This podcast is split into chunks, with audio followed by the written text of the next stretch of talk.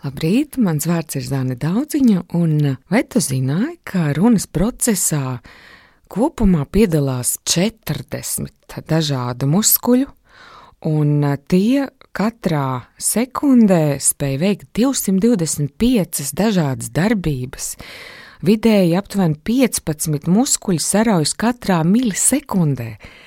Tas tikai dod mums um, pamatu apgalvot, ka šo procesu nemaz nav iespējams ar prātu kontrolēt.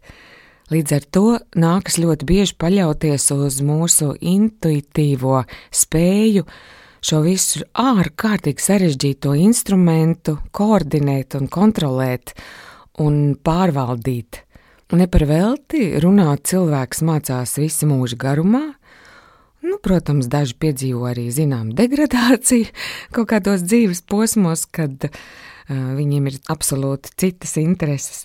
Bet, ja mēs vēlamies būt labi runātāji, tad skaidrs, ka šie muskuļi, kas atbild par artikulāciju, mēli un augslējas un vis visādi sīki muskulīši šajos minētajos orgānos un lūpas, kur tad vēl un tā tālāk, tie būtu jātrenē līdzīgi kā mēs trenējam roku vai kāju muskuļus, lai varētu pietupties vai palikties. Tā mums nepieciešams būtu piedomāt arī pie tā, kādā veidā mēs esam norūdījuši savus balss un skaņas veidojošos muskuļus. Mūsu dikcija, kas tiek nodrošināta ar labu, skaidri un kontrolēti pārvaldītu artikulāciju, tā ir faktiski mūsu inteliģences vizītkarte. Ja mēs skaidri izrunājam vārdus, tas citiem cilvēkiem signalizē par to, ka mēs vēlamies, lai mūs saprot, ka mēs vēlamies tikt sadzirdēti.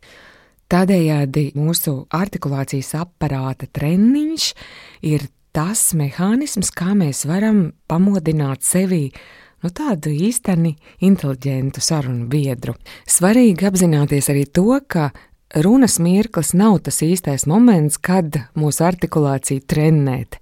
Jo, ja mēs sāksim sarunājoties ar kādu citu cilvēku, vai runādami no skatuves vai kādos citos atbildīgos brīžos, būsim ļoti koncentrēti uz kaut kāda viena līdzskaņa izrunu un koncentrēsimies uz to, lai mēs izrunātu katru burtu, tad skaidrs, ka arī klausītāju uzmanība tiks pievērsta tieši šai detaļai un pazudīs vēstījums. Šīs lietas jādara mājās, un ideālā gadījumā, līdzīgi kā cilvēki, kuriem rūp sava veselība un kuriem rūp arī sava pašizpausme, tā līdzīgi mums būtu jāatmodina mūsu mute, pirms mēs dodamies kaut kur ļaudīs un veicam kādas ļoti svarīgas verbālas darbības. Nu, piemēram, sēdēdam pie stūres, mēs varam parunāt visvienkāršākos mēlis mežģus Mans mīļākais ir viņu rītu ripu situ, citu rītu stibu cirtu.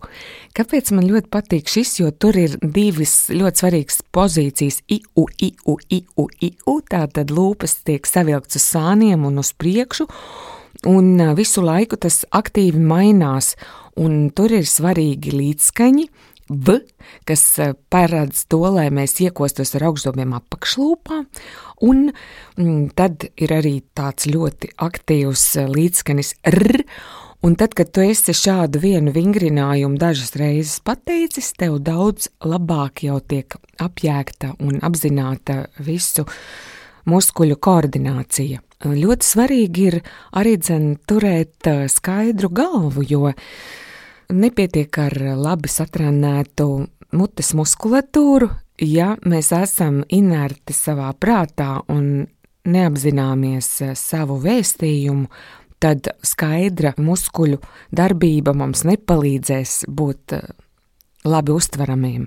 Mums ļoti svarīgi ir nodrošināt taisnu un konkrētu saikni no smadzenēm uz muskuļiem.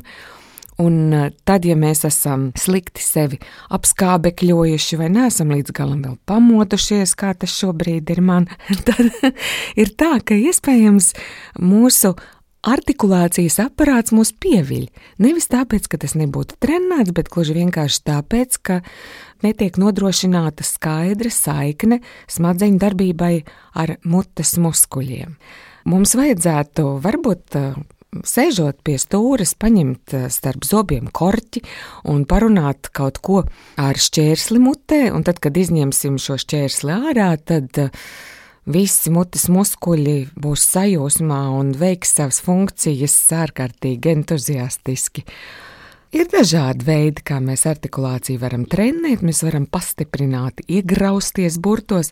Mēs varam gluži vienkārši ieslēgt Latvijas rādio kādu kanālu, piemēram, trīs, un parunāt līdzi kādam raidījuma vadītājam, kuram laba artikulācija, un censties būt par viņa tādu kā sinhronu tulku tajā pašā valodā, atkārtojot vārdus un artikulējot tikpat skaisti un tad mēs būsim daudz gatavāki arī savai darba dienai.